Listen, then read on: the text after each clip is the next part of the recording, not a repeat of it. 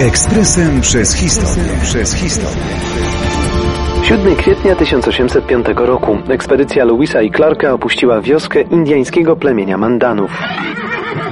Ta wyprawa warta jest przypomnienia. Zresztą znana jest głównie amerykańskim historykom. Jaki był jej cel? Chodziło o eksplorację zachodnich obszarów Ameryki Północnej.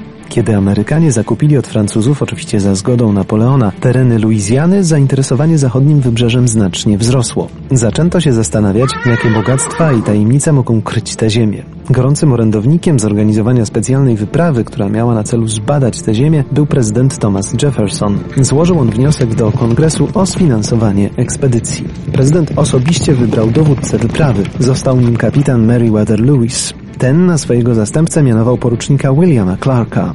Panowie nie mieli łatwego zadania. Zdarzały się przypadki niesubordynacji wśród ekipy. Oficjalnie wyprawa ruszyła w maju 1804 roku. W lipcu dotarła do terenów dzisiejszej Nebraski i granicy stanu Iowa. W pierwszych dniach listopada podróżnicy znaleźli się na terenach zasiedlonych przez indyjskie plemię Mandanów. Obecnie to obszar należący do Dakoty Północnej. Co ciekawe, nawiązano z nimi bardzo przyjazne stosunki.